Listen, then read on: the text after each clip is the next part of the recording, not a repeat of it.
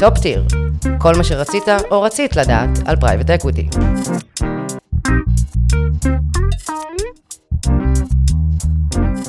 שלום לכולם, ומה שלומכם?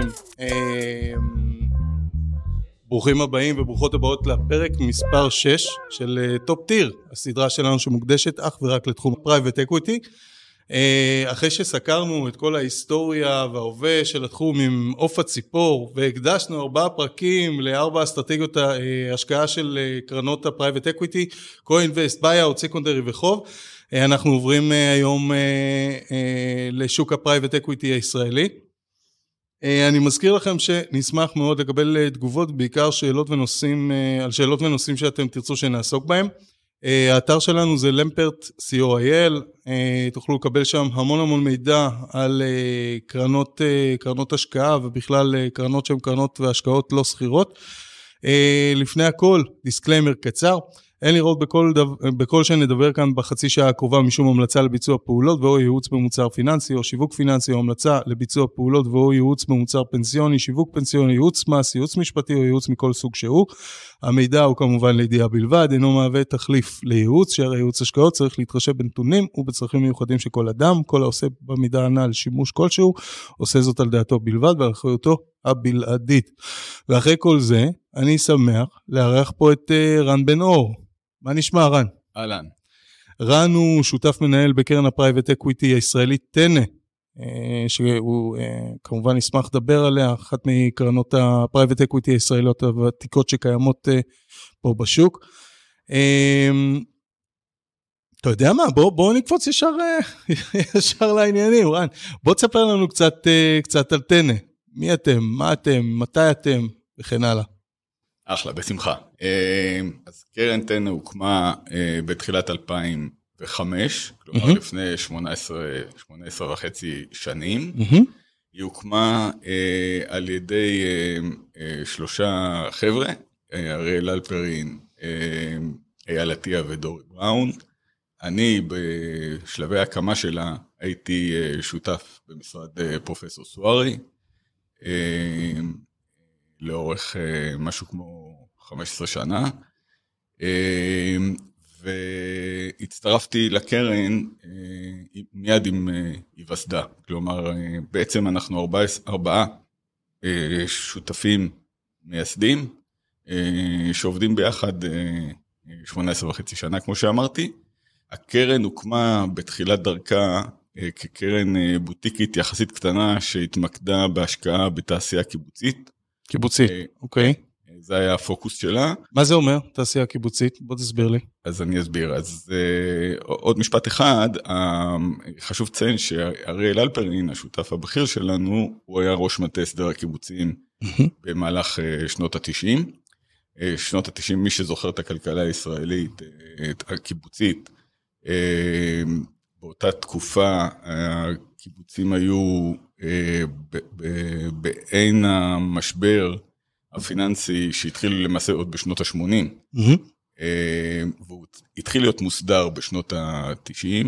אני, בתור שותף במשרד סוארי, הכרתי את אריאל כראש מטה הסדר הקיבוצים, הוא בעצם היה לקוח חשוב של המשרד שלנו, ואני באופן אישי טיפלתי בכמה וכמה פרויקטים סביב האירוע הזה של הסדר הקיבוצים, זה, זה בסיס ההיכרות שלי עם אריאל.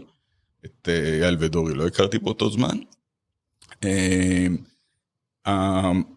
בעצם מה ש... כל הנושא הזה של הסדר קיבוצים זה הסדר החוב, אני חושב שהיה הגדול בתולדות המדינה, במונחים של היום זה בהיקף של מיליארדי דולרים רבים, שבעצם איים, המשבר הזה איים על היציבות של המערכת הבנקאית הישראלית. דה פקטו אפשר היה לחשוב שהיא ממש בתסריטים גרועים יכלה להיות חדלת פירעון בגלל המשבר הזה. ולכן גם הממשלה, המערכת הבנקאית והתנועות הקיבוציות ביחד התארגנו בניסיון לפתור את המשבר הזה. ראשת מטה הסדר הקיבוצים הראשונה הייתה אגב גליה מאור. גליה מאור. כן, זה, שם זה התחיל. בתוך משרדי סומך חייקין, mm-hmm. אבל התקופה של אריאל, שנות ה-90 זה היה התקופה המרכזית של ההסדר, כתוצאה מה, מההסדר, חוץ מההסדרה הפיננסית של, של הדברים, גם אה, עוד אה, אה, צעד ארגוני מאוד חשוב היה הפרדת התעשיות מהקהילה. כי עד אז, זה נראה לנו היום קצת אולי משונה, אבל עד אז הכל היה מעורבב, ולכן חלק מההסדרה הייתה גם הפרדת אה, התעשיות, כי בעצם הכלכלה הקיבוצית אה, התבססה במידה רבה מאוד על התעשייה המסורתית. Mm-hmm. לא, לאו דווקא הייטק, אה, אבל הם עברו מחקלאות לתעשייה מסורתית. הופרדו התעשיות מהקיבוצים, מהקהילות, סליחה, הוקמו דירקטוריונים מקצועיים, כמו שאנחנו מכירים אותם בכל תעשייה רגילה, וחלק אפילו, התעשיות הבולטות, כבר אפילו הגיעו לסיטואציה של אה, הנפקה בבורסה, mm-hmm. כבר ניצנים של הנפקת אה, חברות קיבוציות אה, בבורסה. וההפרדה הזאת בעצם של התעשיות מהקהילות אפשרו להכניס גופים כמונו, תכף אני ארחיב טיפה על הנושא אמ-המ. של ה private equity ומקומו בעולם הזה. אמ-המ.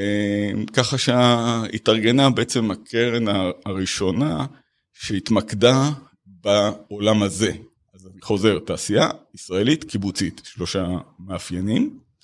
זה לא שהיינו הראשונים שהשקענו כמשקיעים פרטיים בחברות uh, קיבוציות, היו גם לפנינו, אבל הקרן uh, uh, הוקמה ממש בפוקוס הזה.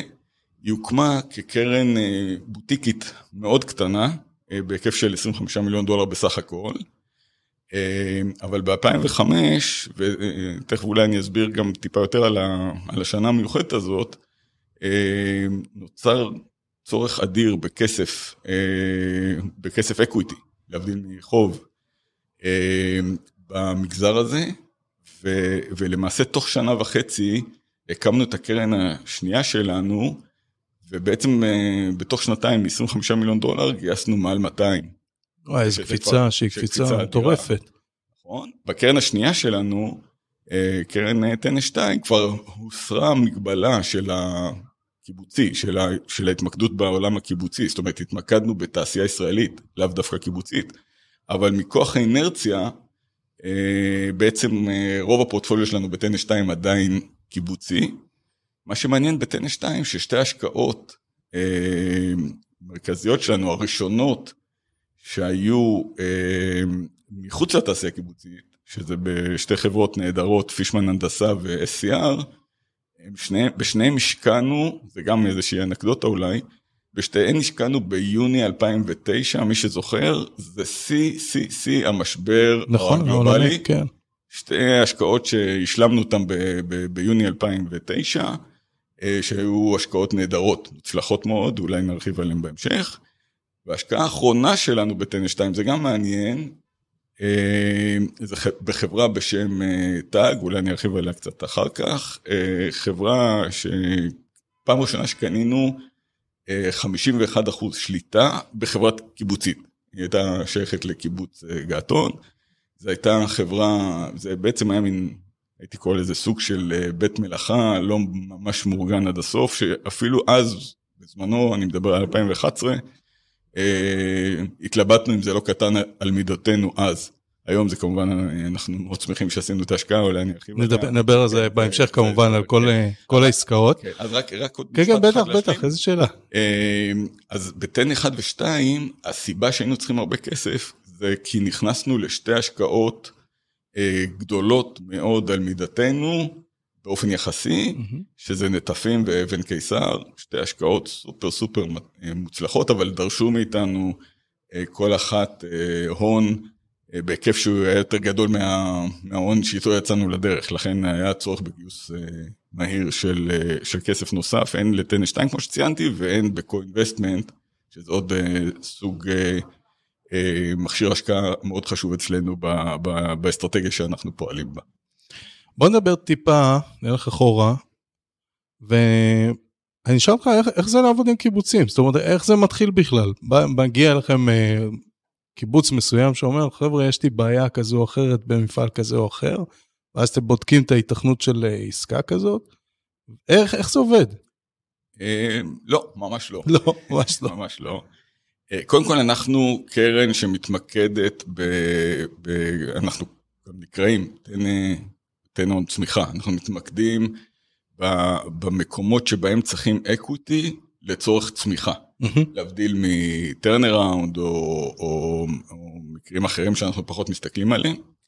ולכן במקומות שבהם אה, פנו אלינו או שאנחנו פנינו, חלק מהעסקאות מגיעות אה, בפנייה ביוזמה שלנו וחלק ביוזמה אחרת. אה, הרצון, המוטיבציה המרכזית להשקעה, להכנסת שותף פרטי בחברה קיבוצית, אה, זה צורך בהון כדי לצמוח, ממש אה, כמו, הכותרת. כי כמו שאנחנו יודעים, כדי, ברגע שיש אלמנטים של, אה, של צמיחה, נדרש הרבה מאוד כסף, בטח בתעשיות, גם להשקעה במה שאנחנו קוראים קאפקס, בציוד, במיכון, במבנים, וגם בהון חוזר, כי הצמיחה דורשת בניית מלאים, אשראי לקוחות וכדומה, זה דבר שדורש הרבה כסף. כדי לצמוח, צריכים כסף. אמ, אז אולי נחזור רגע באמת ל-2005, mm-hmm. נסתכל רגע מה קרה בארץ ובעולם. זה שוק, איזושהי נקודה מאוד מעניינת ב, ב, גם בכלכלה הישראלית כן. וגם בכלכלה הגלובלית. אני מזכיר לכולם שב-2005, אה, בעולם הגדול התאוששו משני משברים רציניים, אחד זה ההתפוצצות של הבועה של ההייטק, והמשבר השני היה אה, אה, ספטמבר 11, אותו משבר סביב האירוע, הטרור המסיבי, שיצר גל של משבר כלכלי, שני אלה היכו בעולם, בישראל הייתה אינתיפאדה שנייה. נכון. באותה תקופה. אה, ולכן אה, יצא המקרה שב-2005 הסתדרו הכוכבים בשורה, בתוך ישראל, בתוך הכלכלה, הכלכלה הישראלית, דיברתי קודם על הכלכלה הקיבוצית, שגם, בנוסף למה שתיארתי בארץ ובעולם, אז כאמור, בכלכלה הקיבוצית הסתדרו גם הדברים מבחינת הארגון אה, הכלכלי שלהם. אה, אבל אה, אה, אני רוצה רגע לעזוב רגע את הכלכלה הקיבוצית ותכף נחזור אליה, אז בעצם ב, ב, גם בעולם, אבל בעיקר בישראל נוצר צמא אדיר להון אקוויטי לצורך צמיחה. כמובן יש את הנתיב של הנפקות, הבורסה, אבל לא תמיד חברות רוצות להיות ציבוריות, אמ-המ. או, או לא יכולות, או לא רוצות. ולכן סביב 2005, כשמסתכלים על שוק ה private equity הישראלי, באותה תקופה, הפלא ופלא, היה, הייתה קרן private equity אחת, פימי, זהו, לא היה נכון, יותר כלום. פימי, נכון. אה, להבדיל, ו, ובעולם הגדול זה כמובן תעשייה אה, ענקית.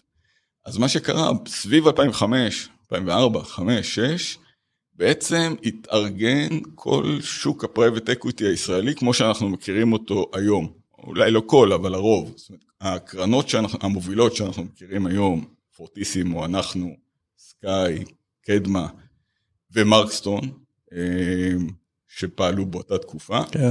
כל הקרנות האלה, מרקסטון לא פועלת לא יותר. לא פועלת, כן. אה, כל הקרנות האלה שאנחנו מכירים אותן, שנמצאות גם היום, זה, זה, שם התחיל תור הזהב של ה private equity בעצם. הם כולם התארגנו סביב 2005. כן. 2004, 2005, 2006, אבל הכל סביב התקופה הזאת, בגלל הצורך האדיר בכסף לממן צמיחה. אה, כמובן, ב-2008 אה, העולם, פחות בישראל, אבל יותר בעולם, העולם קיבל סטירה במשבר הגדול, אבל, אבל אה, צלחנו אותו. זאת אומרת, כל הקרנות שאנחנו רואים היום בסביבה, כולם עברו את הגל הזה של 2008 בהצלחה, והיא ראויה.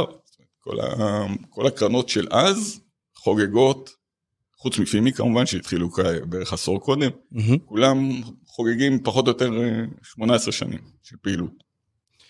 אמ, זה, זה ממש מעניין אה, מה שאתה אומר בכלל על השוק הישראלי. אז אם אני מסתכל על השוק הישראלי, כמו שאתה אומר, יש לנו חמש, שש קרנות private equity עיקריות שקיימות. נכון.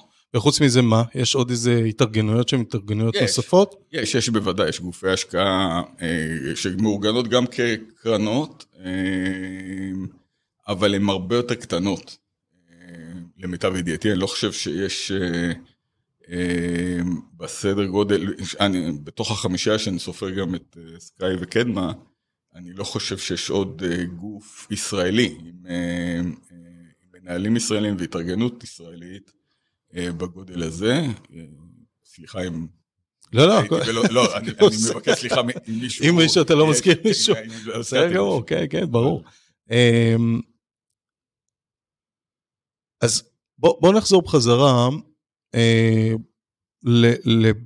בעצם איזשהו סוג של בחירה של עסקה. איך, איך זה עובד אצלכם? איך זה עובד בכלל אה, בשוק הישראלי? אם יש שוני, שהוא שוני מהותי מול השוק הבינלאומי, אה, בגלל שזה עסקאות שהן עסקאות שהן קטנות יותר? אמ, קודם כל אני חייב לך תשובה קודם על, ה, על השאלה איך זה לעשות אה, עסקה עם, עם קיבוץ, אז אני אקשור את זה. אנחנו נעשה את זה גם, כן, גם וגם. לקשור את ה... כי זו עסקה שונה, זאת אומרת, האנשים בקיבוץ, וגם אגו אני בטוח, וגם שיחות שהן שיחות מעבר, כן, יש הרבה דברים מעבר. אז בוא נגיד ככה, מי החברות בעצם שהם היעד עבורנו? אז כאמור, מדובר, קודם כל מדובר בחברות אה, פרטיות, אה, מטבע הדברים. אה, כן, אנחנו מתמקדים, אגב, לא כל, החבר, לא כל קרנות ה private equity מתמקדות רק בשוק, ה... ממש רק בשוק הפרטי. יש אה, קרנות שגם אה, קונות נתחים נכבדים בחברות ציבוריות. ציבוריות, נכון. פימי עוסקת בזה, אני חושב, mm-hmm. היא הכי בולטת. אנחנו משתדלים באמת להסתק... להתמקד ב... ב... בעולם הפרטי, כשההנפקה בבורסה היא אחת מה... מאסטרטגיות האקזיט שלנו. אה, למעשה הנפקה זה לא אקזיט, אבל זה בדרך, ל... זה, זה, זה מין קדימון לאקזיט. אז לעיתים אנחנו פונים לנתיב הזה אה, כ, כ, במסגרת אה, מימוש אסטרטגיית האקזיט. בכל מקרה, לחזור ל... איך זה נראה? לרכישת. החברה, אז אנחנו מסתכלים כאמור בדרך כלל על חברות פרטיות. חברות פרטיות, הן הרבה פעמים בשוק הישראלי, חברות אה, מה שנקרא בלעז הרבה פעמים moms and pop shop, זה אנשים שהקימו בעשר אצבעות איזושהי אה, חברה, ושוב, אנחנו מתמקדים בתעשיות. Mm-hmm. רוב הפורטפוליו שלנו, רוב רוב הפורטפוליו שלנו זה תעשייה. אז יזם אה, שהקים לפני דור או שניים איזושהי חברה, יזם מוצלח מאוד בדרך כלל, ש... אחד המאפיינים, גם לא תמיד, אבל שבדרך כלל הצליח לפרוץ אה, את, ה, את מסגרת השוק הישראלי ולפרוץ לשווקי חו"ל, כי אנחנו יודעים, אנחנו משק אי קטן, מצומצם, אה, פוטנציאל מאוד מוגבל, כדי באמת לצמוח. צריכים לדעת לצאת החוצה. לצאת החוצה. כן. אז בדרך כלל היזמים המוצלחים האלה מצאו כבר את, ה, את הדרך. אה, ואז הם צריכים להכניס שותף כמונו משלל אה, סיבות, או שמרגישים שהגיעו לאיזושהי תקרת אה, זכוכית בניהול ומבקשים בעצם חוץ מכסף גם אה, עזרה בניהול, זה קורה הרבה, אנחנו, יש לנו הרבה מאוד דוגמאות לעסקאות מהסוג הזה, או העברה בין דורית, לעתים מגיע מצב שבו העסק עובד דור או שניים, ו... יש אה, קושי או מאיזה שהם שיקולים משפחתיים, אי רצון ל, ל, להעביר הלאה את המושכות, ואז מחפשים גוף כמונו בעצם, אה, שניכנס ל, ל, אה, לשותפות בחברה הזאת. בדרך כלל זה תהיה עסקת שליטה שלנו, זאת אומרת, עם ליווי של אותה משפחה שהקימה את העסק לתקופת ביניים, עד שבסופו של דבר ביחד מממשים. זה, זה אירועים אה, טיפיקליים אצלנו, אפשר לחשוב על קיבוץ כמשפחה גדולה פשוט. חתיכת משפחה. כן, אבל היא משפחה גדולה, כן. אה, יש, אה, יש לפעמים באמת ריבוי של דעות, אבל אנחנו מרגישים מאוד מאוד נוח בסביבה הזאת, אנחנו יודעים לדבר את השפה, אנחנו מבינים את התרבות, אנחנו מבינים את, ה, את הקשיים, את הצרכים, ובדרך כלל זה מאוד, אה, השותפות הזאת עם הקהילה הזאת, שמחזיקה, שהיא מחזיקה ביחד איתנו את המפעל, היא בדרך כלל מאוד מוצלחת. כמובן לא תמיד, יש, כן, אה, כמובן. אני לא רוצה לייפות שום דבר, יש לפעמים מקרים שזה פחות בסדר, אבל, אבל הממוצע הוא בצורה מובהקת, אה, מלמד שאפשר לעשות אה, דברים נפלאים בתוך המגזר הזה. כאמור, היינו בו מאוד חזקים בתחילת הדרך, היום פחות, פחות, לא בגלל שפחות אנחנו אוהבים, אלא ההזדמנויות הולכות ופוחתות. אז אתה יודע מה, באמת אנחנו רואים היום, אצלנו, אצל לקוחות שלנו, דיברת על הנושא של העברה בין דורית, אז אנחנו רואים את זה המון אצל לקוחות שלנו, חבר'ה שאתם יודעים, דור, דור המקימים, הקימו ועשו ובנו מפעלים, וכמו שאתה אומר, העבירו את זה אולי לילד הראשון, אמ, ומה לעשות, הנכדים לא רוצים להמשיך את העסק. זה עסק גדול, זאת אומרת, בסופו של דבר זה עסק גדול, או שהם לא רוצים להמשיך את העסק, או שהם לא מתאימים בהרבה מהמקרים לנהל את העסק, זה גם משהו שצריך לקחת בחשבון. אמ, אם יש משפחה כזאת לצורך העניין, שבאמת מחפשת את, ה, את האפיק ה, ה, אה, הנכון עבורה, מה היא צריכה לקחת בחשבון אמ, במידה והיא רוצה להתחבר ל private equity כזה או אחר? אמ, בסופו של דבר זה, זה מכירה של מניות. Mm-hmm. יש, אה, יש אה, עסק שצריך להמשיך אה, לפעול.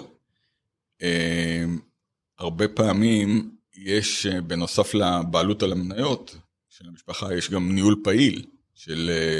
הבן מנהל או, את זה, את השיווק, ההוא מנהל את ה... כל זה כלל מתחיל מבעל כן. המניות המרכזי, הוא בדרך כלל מנכ"ל, או... הוא, הוא זה שהצמיח את העסק, הוא היה אחראי מתוך העמדה הניהולית שלו להצמחה. אה, ולפעמים יש בני משפחה נוספים שמעורבים בעסק בתפקידים אה, שונים. אה, בדרך כלל עסקאות מהסוג הזה, ושוב, אנחנו מסתכלים על חברות מעולות, אנחנו לא מחפשים טרנראונדים וכדומה, להפך, אנחנו מחפשים את החברות הטובות. אז בדרך כלל, בחברות טובות גם הניהול הוא טוב, אחרת הן לא היו טובות, זה בדרך כלל תנאי הכרחי. אז כדי לעשות את ההעברה הזאת בצורה יחסית חלקה, מי שהוביל את העסק אה, חייב לפחות לתקופת אה, ביניים להישאר. להישאר בפנים. לעזור לנו בעצם אה, בתוך המירוץ שליחים הזה לבסס הנהלה חדשה עם חפיפה מספיקה כדי שאפשר יהיה בסופו של דבר להיפרד. כי בדרך כלל מה שיקרה, אנחנו ניכנס כשותפי רוב, בואו נקרא לזה שני שליש, 70 אחוז. אה, משהו כזה, זה, זה בדרך כלל הטיפיקלי, יש לנו המון דוגמאות כאלה, mm-hmm. חברות פורטפוליו שבעצם ככה, אה, ככה הכנסנו, מי שהוביל את החברה נשאר שותף שלנו בסדר גודל, במשלים ל-100%, ומובילים אה, את העסק במשך עוד קדנציה, זה תלוי בחברות תעשייתיות, בדרך כלל קדנציות הן הם יחסית, הם לא קצרצרות, זה לא, זה לא סיבובים מהירים, mm-hmm. אנחנו מדברים על חמש, שבע, עשר שנים אפילו לפעמים.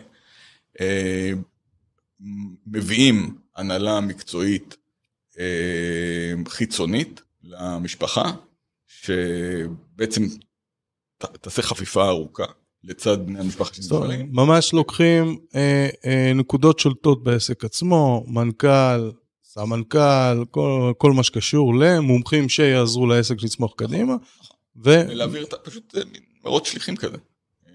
אה, לבא בתור שינהל את זה, יוביל את זה. אז באמת, אני חוזר באמת לשאלה, אז מה היית אומר למשפחה כזאת, שאם אה, ללכת, מה היתרון המהותי בללכת ל- להליך כזה, ומה יכול אולי לעבוד קצת פחות טוב בהליכים כאלה שצריך לקחת גם בחשבון? קודם כל, בסוף, בוא, בוא נתחיל מזה שמדובר באנשים. ו... וברגע שיש, אנשים זה, בן אדם זה יצור מסובך. זה אלף דעות. כן. גם פיזית וגם, יש, יש דעות, אנחנו יודעים שלכל שני יהודים כן. יש שלוש דעות, ואנחנו כן. בישראל, אז זה, זה ברור. זה. אבל, אבל עכשיו ברצינות, אנחנו, ושוב, אולי נדבר על טנא בהקשר הזה. אנחנו בטנא עשינו עד היום, ב-18 וחצי שנים האלה, עשינו נדמה לי 33 עסקאות ישירות של אה, רכישת אה, אה, חברות לקרן עצמה, עשינו עוד עשרות רבות של עסקאות בתוך החברות עצמן, מה שנקרא עסקאות M&A. Mm-hmm. אני אולי נדבר על זה אחר כך, אבל, אבל אני מדבר על ההשקעות הישירות של ארבעת קרנות טנא. טנא עד היום היה לה, הקימה ארבע קרנות. מתוך ה-33 האלה, 33 עסקאות, בסך הכל שלוש פעמים קנינו חברה ב-100%. בסך הכל.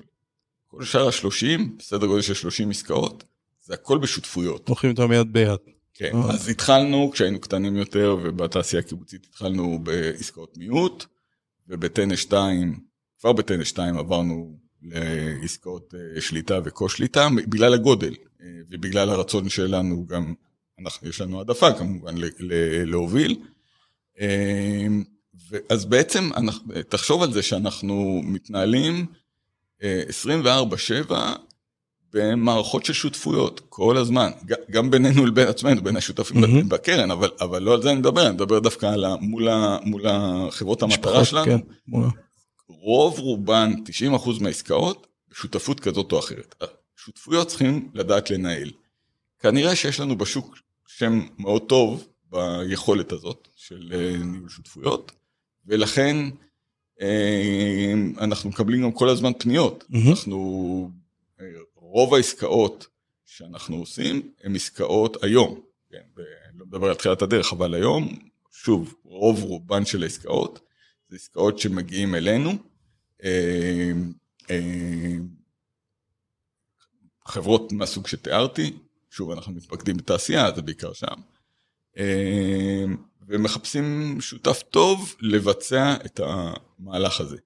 בסופו של המהלך, פעמים רבות, אה, בגלל שאנחנו קרן, ואני מניח שבפודקאסטים הקודמים אה, דיברתם על זה, שקרן אה, קונה חברה, משביחה, מוכרת, חייבת למכור, נכון. זה חלק נכון. מהמודל העסקי, אז אנחנו חייבים למכור, אז בדרך כלל בשלב המכירה, ואני יכול לתת דוגמאות, בשלב המכירה, השותפים אה, המקוריים, שנשארו בעמדת אה, מיעוט בדרך כלל, הצטרפו אלינו למכירה, כך שהשלב הבא של החברה הוא שלב שבו בעצם המשפחה שהקימה אה, תיפרד משארית ההחזקות. זה הטיפיקלי. בוא, אנחנו, אה, אני רואה שאנחנו אה, מדברים המון המון על עסקאות ואיך הן מבוצעות. אני אשמח באמת שתיתן לנו כמה דוגמאות לכמה עסקאות מעניינות שביצעתם, ובכלל, מה, מה, אתה, אתה מדבר על תעשייה, תעשייה זה סכום עצום, זאת אומרת, יש המון המון רבדים לתעשייה. מה אתם מחפשים? זאת אומרת, מה, איזה סוג של, של תעשייה אתם מחפשים? איזה סוג של עסקאות אתם מחפשים? מה הקאפ של העסקה שאתם מחפשים? זאת אומרת, לאן אתם הולכים? אוקיי, okay, אז, אז קודם כל, אנחנו בישראל, כמו שאר הקרנות גם, אנחנו מה שנקראים קרן uh, ג'נרליסטית. אנחנו uh, לא מחפשים uh, סקטור ספציפי, uh, כי פשוט כי ישראל היא כלכלה קטנה, אה, יחסית, ואי אפשר, אה, אפשר לבנות קרן משמעותית גדולה, בדרך כלל על, על בסיס אה, סק, של סקטור עסקי. זה, זה כמעט בלתי אפשרי. יחד עם זה, יש לנו, מסתבר, יצא, יצא ככה, אבל זה גם עניין של נטיות כמובן, הרבה מאוד להתעסק בסקטור חקלאי. ואני יכול לתת, לתת סקירה קצרה. אז בקרן הראשונה, כאמור, השקענו בנטפים. זו ההשקעה השנייה של הקרן שהייתה אה, מאוד מאוד גדולה, אה, בסדרי גודל של עשרות מיליוני דולרים.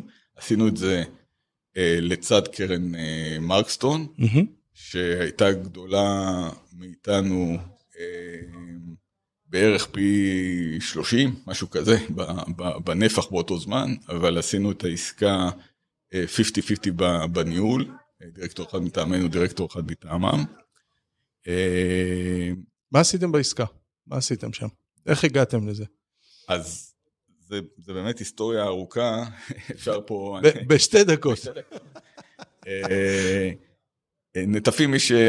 מי שמכיר קצת את ההיסטוריה שלה, התחילה בחצרים, ובגלל אידיאולוגיה, אה, חצרים, כשהתחילה מאוד מאוד, כשהעסק התחיל לצמוח בצורה מאוד מאוד מהירה, בחו"ל בעיקר, ובגלל שמבחינה אידיאולוגית חצרים לא הכניסה עבודה זרה, שהיא שכירה לתוך הקיבוץ, מה שחצרים עשתה, היא בעצם נתנה אה, אה, סוג של זיכיון לשני קיבוצים אחרים. מגל, מגל ו... ויפתח. Mm-hmm. אה, בעצם לייצר את, ה, את המוצרים ולשווק אותם בטריטוריות מסוימות. הם פשוט חילקו פחות או יותר את העולם. אה, וככה, דרך אה, הרחבה לקיבוצים אחרים, הם, הם הצליחו לעמוד בצמיחה, במקום הרחבה בתוך הבית, דרך עבודה סבירה. כי קיבוץ חצרים היה מוגבל במשאבים שלו. אה, זה עבד מצוין עד נקודה שדבר זה הפסיק לעבוד מצוין בסוף, אה, שוב, בשנות ה-90, ואז בעצם נטפים כמו שאנחנו מכירים אותה היום, אה, נוצרה כתוצאה ממיזוג של שלושת, שלושת הפצלים האלה של, של נטפים, לנטפים אחת. Mm-hmm. זה קרה ב-99, כשאריאל אלפרין, שהוא השותף אה, הבכיר בטנא, הוא אה, אה, היה מין בורר, בכובע שלו בהסדר הקיבוצים, הוא עסק ב... בסוג של שיפוט במחלוקות שנתגלעו סביב המיזוג הזה, בוא נקרא לזה ככה, ובתחילת המילניום נטפים יצא לדרך כחברה אחת בבעלות שלושת הקיבוצים. הם הגיעו אלינו, ב... הם החליטו אה, שהם רוצים להכניס אה, שותף, אה, שותף מיעוט בשנת 2005, עשו תהליך, למעשה בינלאומי, שבו כמה קבוצות התמודדו על, ה... על העסקה הזאת. באותה תקופה המחזור של נטפים היה סדר גודל של 300 מיליון דולר, mm-hmm. משהו כזה. אמ, כאמור, אנחנו, לנו היה את, את היתרון הזה של, ה, של ההיכרות עם המערכת, אבל היה לנו חיסרון אדיר, שלא היה לנו מספיק כסף, כסף כן. להרים את זה, אז התחברנו למרקסטון, והרמנו את העסקה הזאת אה, ביחד, תוך, אה, אה, אני חושב שב... בקונצנזוס מלא של, המוכ... של המוכרים, של שלושת הקיבוצים, שאנחנו הגוף המתאים, ובעצם נוצרה חברה שהיא בבעלות שלושה קיבוצים ושתי קרנות private equity, שזה כבר יוצא דופן. Mm-hmm. בדרך כלל קרן private equity, להבדיל מ venture, ב private equity נהוג שקרן אחת עושה השקעה, אין, אין בדרך כלל קונסורציום. Mm-hmm. אז גם בזה היה חריגות. אז בעצם אה, נוצרו, אה, אה, נוצרה חברה בבעלות של חמישה גופים עם, עם המורכבות של זה. אבל כשעזבנו את נטפים בשנת, בסוף שנת 2011, החברה כבר הייתה במחזור מכירות של, אם אני זוכר נכון, 800 מיליון דולר או 900, בערך פי שלוש ממה שנכנסנו. זה לא מאוד רחוק מהמחזור שלה היום. זאת אומרת, היא צמחה, אבל, כן. אבל אה, לא, ב, לא בקפיצות האלה. היום היא שייכת אבל לתאגיד ה... מה זה, מדרום אמריקה, לא? משהו כזה. תאגיד מקסיקני. מקסיקני, זהו. אה, התאגיד נקרא מקסיקם, אה, שינה, שינה את שמו לאורביה. כן. שזה, אבל בד... אנחנו מכרנו, אנחנו מכרנו את גרעין השליטה לקרן גדולה מאיתנו, קרן אירופאית בשם פרמירה, ופרמירה... כן. מכרה בעסקה הבאה למקסיקה.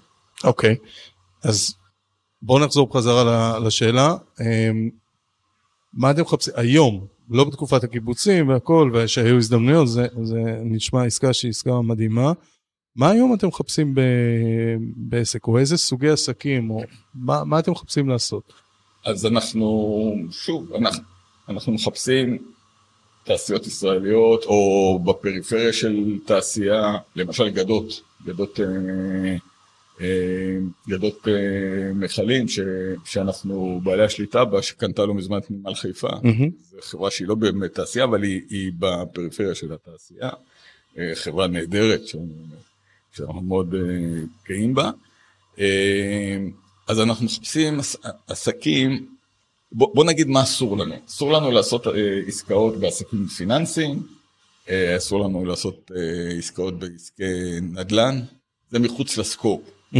כל השאר, אה, למעשה, אסור לנו לעשות אה, כמו, אה, עסקים, יש גם כללי ESG מסוימים שחלים היום על השוק, אסור לנו לעשות אה, עסקאות נגיד ביצרני נשק, זאת אומרת, אז אה, תעשייה שמייצרת נשק, אנחנו לא... לא ניגע תכניסו לפרופיל. בגלל מגבלות ESG. אה, אז בעצם כל, כל מה שהוא לא, והוא קרוב לעולמות שאנחנו מכירים, של התעשייה, הפצה, לוגיסטיקה, הדברים האלה ש, ששם אנחנו מרגישים יתרון, אנחנו מחפשים. פחות נאהב למשל ריטייל, זה פחות הזה, או חברות שהן מבוססות אה, שירותי כוח אדם, זה פחות אנחנו. אה, את זה מכסים קרנות קולגות, הם עושים את העסקאות האלה, אנחנו כאמור בזה. עכשיו אנחנו מחפשים אה, או באמת את ה... את ה אה, אה, המשפחתיות האלה, שהן הרבה פעמים מתחת לרדאר. כן, תסתכל- אני- תסתכל אני חושב על- כבר על שלושה לקוחות שלנו שכבר יכול להיות ש- שצריכים להשתמש בשירותים שלכם. מעולה, אני כמובן אשמח. אז חברות כאלה, אנחנו מחפשים עסקאות שהן כמה שיותר גדולות אה, בהיקף הכספי שלהן, לא בגלל שיש לנו עיניים גדולות, אלא כי המשאבים שצריכים להשקיע בעסקה כן. של עשרה מיליון דולר, או של 100 מיליון דולר, או של 300 מיליון דולר, זה פחות או. יותר אותם, אותם אה, משאבים. לכן אה, ברור שעדיף לקחת עסקאות, אה, אה, הרבה יותר כלכלי לבצע עסקאות אה, יותר גדולות. אז מה ה cap שאתם מסתכלים על ה cap? אני אלך דווקא הפוך. הפוך. המינימום שאנחנו היום נסתכל עליו זה 30 מיליון דולר. לא, אני מניח שלא, עוד פעם, זה לא דבר שהוא קדוש, אבל, זה איזשהו אה, מספר שמתחתיו אנחנו נרגיש אה, פחות נוח לעשות. והתחום העליון הוא למעשה לא מוגבל. נו, כי אה, אתם הוא- יכולים לעשות את אותו... ואני אתן דוגמה, כי אנחנו יכולים, יש את המכשיר הנהדר הזה שנקרא co-investment, שמגיעים לעסקה שהיא גדולה לקרן, כי הקרן לא יכולה, לפי הרגולציה של הקרן, היא לא יכולה מכספי הקרן להשקיע בעסקה בודדת יותר מ-20 אחוז, זה, המקסימום שאפשר גם אחרי אישורים מסוימים, מש- משיקולי פיזור, mm-hmm. אה, ולכן אם למשל אנחנו נמצאים בקרן של אה, חצי מיליארד דולר, אז אנחנו יכולים, לצורך הדוגמה, להשקיע לכל היותר מכספי הקרן 100 מיליון דולר. אה, כאיזשהו cap, אבל זה לא ה cap שאנחנו יכולים להרים עסקאות.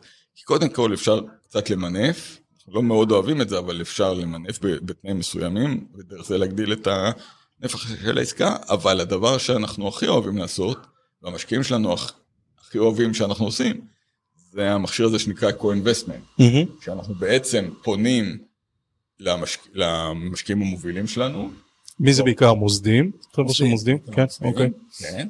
אה, אנחנו פונים אליהם, מספרים להם, הנה, זו העסקה. באנו, עשינו כבר דיו דיליג'נס, בדקנו. אותה, אנחנו נכנסים פנימה בככה. כן, כן. כן, אנחנו חושבים שכדאי לכם. מאוד אוהבים את העסקאות מאוד. אוהבים כן, את זה. ובצורה הזאת, למשל, העסקה האחרונה שעשינו, שהיא גם הגדולה בתולדותינו, היא הרכישה של השליטה בחיפה, קבוצת חיפה, מה שפעם קרוי בלשונה, חיפה קבוצת. חיפה, כן. חיפה כימיקלים. בוא תספר לנו קצת על העסקה הזאת. כן, מיד, והעסקה הזאת היא עסקה של, בהיקף של 210 מיליון דולר. זו- העסקה הגדולה בתולדותינו שהרמנו אה, עד היום. אה, ועשינו את זה דרך אה, באמת הגדלת היכולת של, של הכספית של הקרן באמצעות co-investment. אז אני אציין שבאמצעות המכשיר הזה של co-investment אה, התחלנו אותו בנטפים, כבר בעסקה, ש- ה- למעשה בקוטלב, גם בקוטלב חנית, העסקה הראשונה בתולדות הקרן, היה שם co-investment של הפניקס. אה, אה, בעסקת נטפים היה שם co-investment אה, מאוד אה, גדול, ושם הצטרפה אלינו בעצם קבוצת הראל, שהיא מהמם. משקיע מאוד גדול אצלנו, הצטרפה אלינו כ-co-invest- כ-co-investor בעסקת נטפים, שם, שם התחלנו את העבודה איתם. אה, עסקת אה, אבן קיסר, הראשונה ב-2006 גם, co-investment אה, מאוד גדול יחסית, עם מי עשיתם בבן קיסר? עם, עם, עם, עם לא מעט גופים. מוסדיים אה, מקומיים. SCR, פרות. אה, פרות גם היה שם co-investment, אני חושב שהמשקיע המוביל היה מנורה שם מהמם. דווקא. אה, וכמובן בפישמן הנדסה, שסיפרתי, המשקיע, אותה, אותה השקעה ראשונה שעשינו באמצע המשבר הפיננסי הגלובלי, בחברה, פעם ראשונה שקנינו שליטה. ו... ועשינו את זה גם עם co-investment, נדמה לי שלומי Partners, אז אם אני זוכר נכון, היו המשקיעה. אמ, אז, אז ללמדך שגם בשיא משבר גלובלי באמת מטורף, אני מזכיר לכם את השנים האלה, כשיש עסקה טובה והגיונית, המוסדיים אה, ילכו איתך. אז אתה יודע מה, בגלל אה, קוצר הזמן שלנו, הייתי שמח לשמוע עוד על, עוד על עסקאות נוספות, על SCR ועל גדות והכל זה, באמת קצרה היריעה, אבל אתה מדבר על, על זמנים שהם זמנים כלכליים קשים. היום אנחנו נמצאים במדינת ישראל במצב שהוא מצב אולי לא רגיל, בסדר? איך זה משפיע כללית על שוק ה private equity הישראלי? איך זה משפיע באופן ישיר, אם זה משפיע עליכם? אני אשמח שתגיד על זה כמה מילים. רק ברשותך, אני אשלים את זה שלא להעליב אף אחד. לא, בטח, אני לא רוצה שתעליב אף אחד. ברור, ברור. שאנחנו גם מטפלים עכשיו בעסקה מאוד מעניינת, עסקת סקנדרי מאוד מעניינת. רגע, אתה מדבר על גדות עכשיו. אגדות, כן. אז גם שם היה co-investment גדול, ובנוסף להראל ולאומי פרטנר שכבר ציינתי אותם, אז נציין את, את מגדל ועמיתים, שהיו משקיעי co-investment מאוד גדולים בעסקת גדות. עסקה שגם מעניין לדבר עליה בהקשר של ה-secondaries, ואני אגיד בסוגריים, שעשינו, אני חושב שאנחנו הראשונים בשוק הישראלי, אה, שוב, אני מתנצל מראש אם פגעתי במישהו על הגזילת הראשוניות, אבל לדעתי עשינו, אנחנו באמת הראשונים שעשינו עסקת GP-LED סופר מעניינת עם פנתיאון, מושק שהיה פה, מכיר את זה כמובן. מושק, נכון, כן. אה, שפנתיאון היו הספונסר של העסקה הזאת לפני שנתיים, בדיוק. אה, עסקה שבה יצרנו קרן חדשה, קרן GP-LED, על בסיס שהשארית, מה שנשאר לנו, אה, מטנא 2, שלא מכרנו, טנא 2 הייתה קרן סופר מוצלחת, אה, אבל ותיקה מאוד, ובסופו של דבר... אה, חייבים להחליט מה עושים. פשוט, כן. ובאמת כאב הלב, יש שם לפחות שתי חברות שהן, כמו שאומרים הגששים, בומבוניירה, אבל, אבל במובן האמיתי. פשוט חבל היה להיפרד מהם, אז על בסיס זה עשינו, אני מדבר על טאג ועל קיונרג'י. שגם עליהם אפשר לדבר בהזדמנות, אה, אז עשינו לפני שנתיים בדיוק עסקת, אה, אה, עסקת GP-LED סופר מעניינת, שאני חושב שהיא לטובת כולם, אני חושב שזה כלי מדהים, ש, שנותן נזילות למי שצריך ומאפשר להמשיך למי שרוצה, זה פשוט כלי פנטסטי. אמ, ואנחנו עושים עכשיו משהו דומה עם, עם גדות. גדות.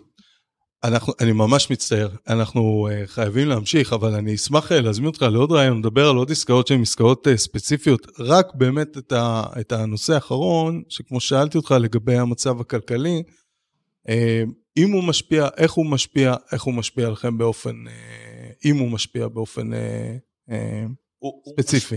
הוא, הוא, תראו, ברגע שיש uh, עליית ריבית, יש קורלציה אה, ברורה בין, אה, בין ריבית אה, לבין המכפיל, לתמצת את זה, המכפיל המקובל ב, בעסקאות private equity, הקשר, כל מי שלמד מנהל עסקים, קורס במימון די בסיסי אפילו באוניברסיטה, יודע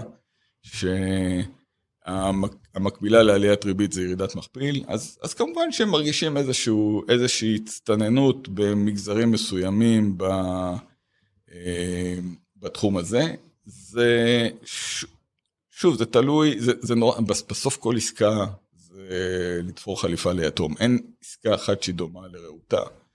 ולכן, אה, אה, אפילו לפעמים בצורה מפתיעה, פתאום נמצא את עצמנו בסיטואציה כמו שאנחנו נמצאים עכשיו, שאנחנו יכולים פתאום למצוא את עצמנו מקבלים הצעות במכפילים מאוד גבוהים, למרות שההיגיון התיאורטי אומר אה, ש, שזה, שבהינתן הסביבה, סביבת הריבית זה, זה יוצר איזושהי הפתעה לטובה. מצד שני, אנחנו כמובן בצורה זהירה, אה, נהיה יותר זהירים בקנייה.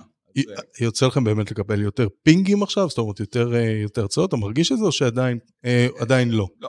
לא, אני, לא, לא חושב ש, אני לא חושב שיש, בעולם שלנו, להבדיל נגיד מה, מעולם, מעולם הסטארט-אפים, ששם שם, כן. שם מרגישים ממש איזשהו סוג של התייבשות, ויש האומרים שיש דווקא ניצנים של, של חזרה, mm-hmm. אבל אני מקווה שזה נכון לטובת הסקטור, אבל שם בוודאי הורגשה איזושהי בלימה.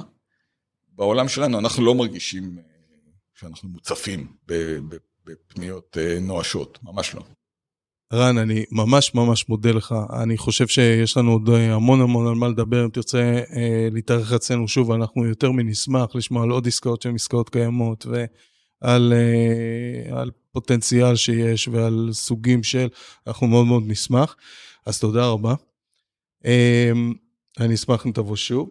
Uh, תודה רבה לכל האורחים שהיו עד, uh, עד עכשיו, למושה, כמו שאמרנו, לאיתי, uh, אלנתן, לענבר שטיינר, לאיתמר בן דוד מהפניקס, לדורית זק מ HarbourVest וכן הלאה וכן הלאה.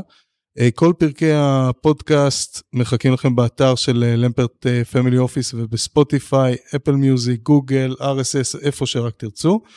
ובסוף תודות נוספות ל-ThinkUp שאירחו אותנו פה, נועה בגון.